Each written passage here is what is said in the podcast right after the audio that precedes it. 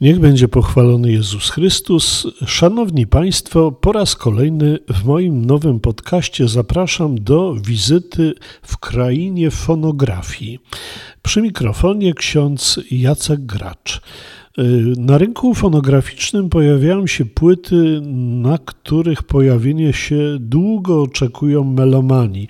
Często dzieje się tak, że zespół zapowiada płytę, no a my wszyscy czekamy na jej pojawienie się na firmamencie nieba fonograficznego.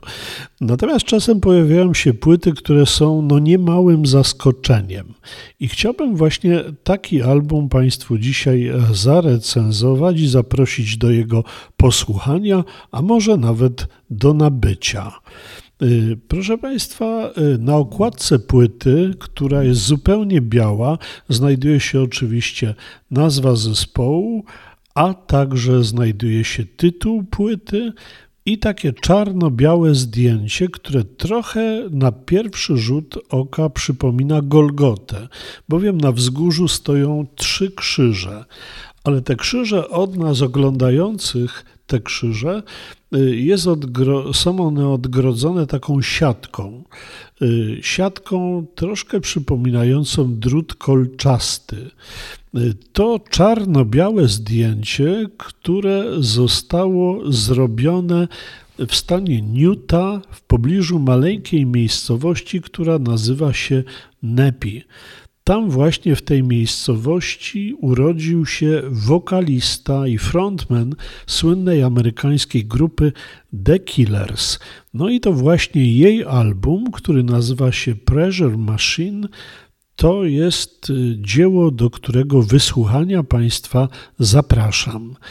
Y, będę oczywiście wraz z Państwem słuchał, słuchał tej płyty w audycji, która nazywa się Płyta Tygodnia i będzie to dokładnie 8 września o godzinie 19.15. Y, proszę Państwa, okres covidowy sprawił, że y, zespoły przestały grać koncerty. Grupa The Killers to jest taka grupa, która pojawiła się na rynku muzycznym z pewnego niebytu. Mianowicie grupa U2 grając wielkie światowe tournée, zaprosiła amerykańską grupę The Killers, żeby ona była tak zwanym supportem, czyli zespołem, który wprowadza do zasadniczego koncertu. I tak w ogóle świat muzyczny usłyszał o istnieniu tej grupy. Dziś to już jest gwiazda muzyczna i jej płyty sprzedają się w olbrzymich nakładach. Rzadko też kiedyś gra The Killers na jakiejkolwiek mniejszej scenie. Zawsze te koncerty były na stadionach i to w olbrzymim takim potencjale, także nie tylko dźwiękowym, ale też wizualnym. No, pandemia sprawiła, że ich poprzednia płyta, która nazywa się Uploading the Mirage, przeszła zupełnie bez koncertów. No i wtedy jak Brandon Flowers wspomina, wszystko się zatrzymało. To był pierwszy raz, kiedy od dawna zetknąłem się z ciszą, tak mówi wokalista The Killers.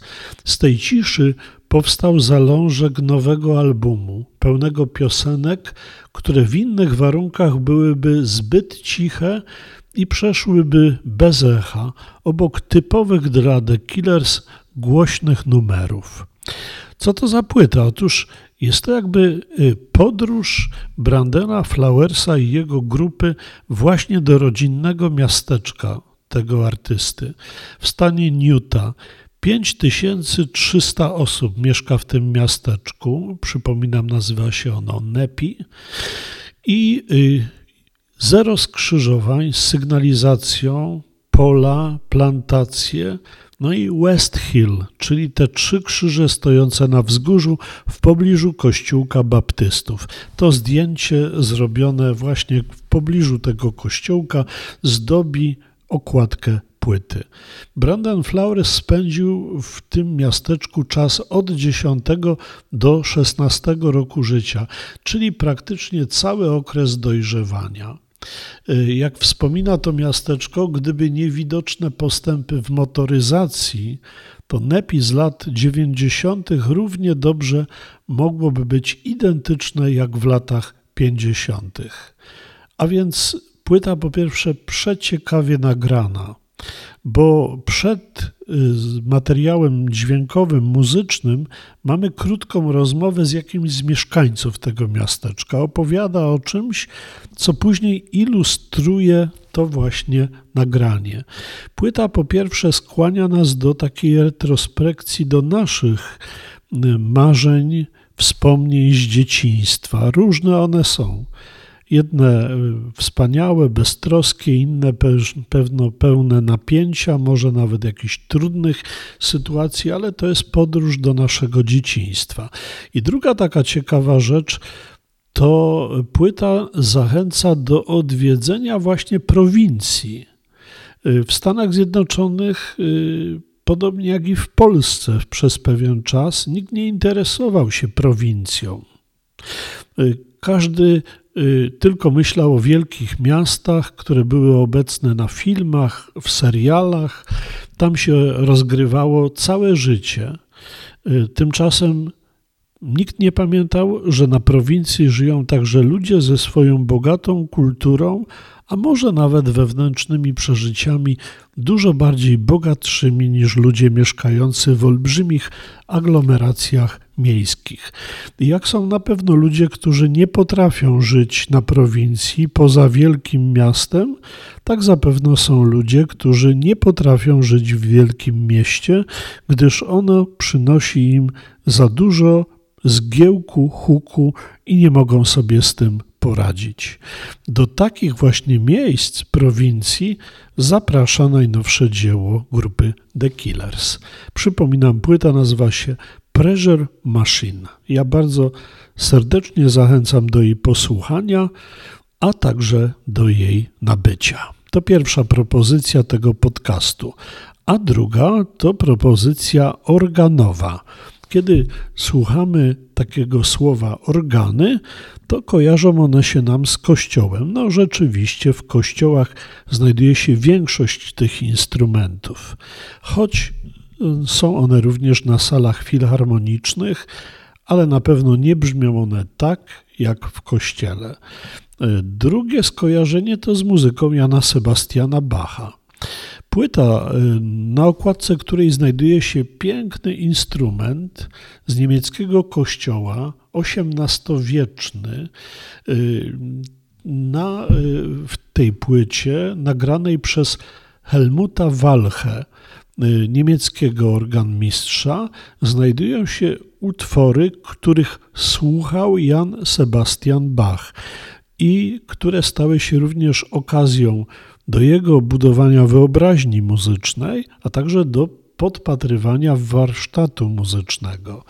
Jest taka ciekawa e, sprawa z życia Jana Sebastiana Bacha, że udał się on do odległej miejscowości, gdzie grał słynny organmistrz i kompozytor Dietrich Buxtehude, przebył długą drogę, żeby spotkać się z tym starszym, można powiedzieć, kolegą.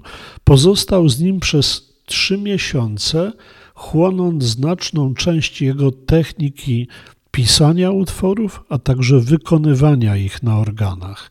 Można sobie wyobrazić, jak wielkie to było poświęcenie Bacha, który musiał gdzieś mieszkać, musiał gdzieś się tułać, coś jeść, a trzy miesiące spędził najpierw budząc zaufanie Buxtehudego i słuchając go.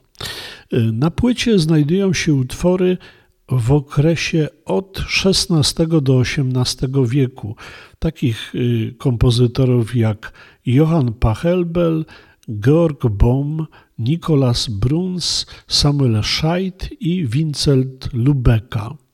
Różnorodność tej prezentowanej muzyki daje słuchaczowi bardzo dobre wyobrażenie o tym, co Bach słuchał i studiował, a więc muzyki, która miała olbrzymi wpływ na jego własne kompozycje.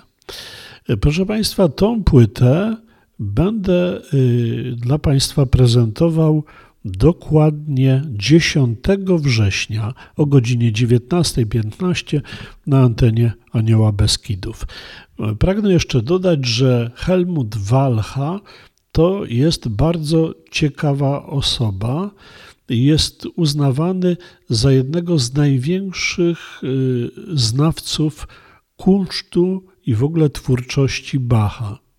Y, Helmut Walcha nagrał dwukrotnie komplet dzieł organowych kompozytora. Nagrał także z Henrykiem Scheringiem sześć sonat na skrzypce i klawesyn tego kompozytora. Y, choć niewidomy, miał aktywną międzynarodową karierę jako performer, artysta nagrywający, a także pedagog. E, ten zestaw płyt, którego fragmentu będziemy słuchać i który Państwu rekomenduję, to ostatnie jego dzieło nagraniowe. Później przeszedł już na emeryturę w wieku 70 lat.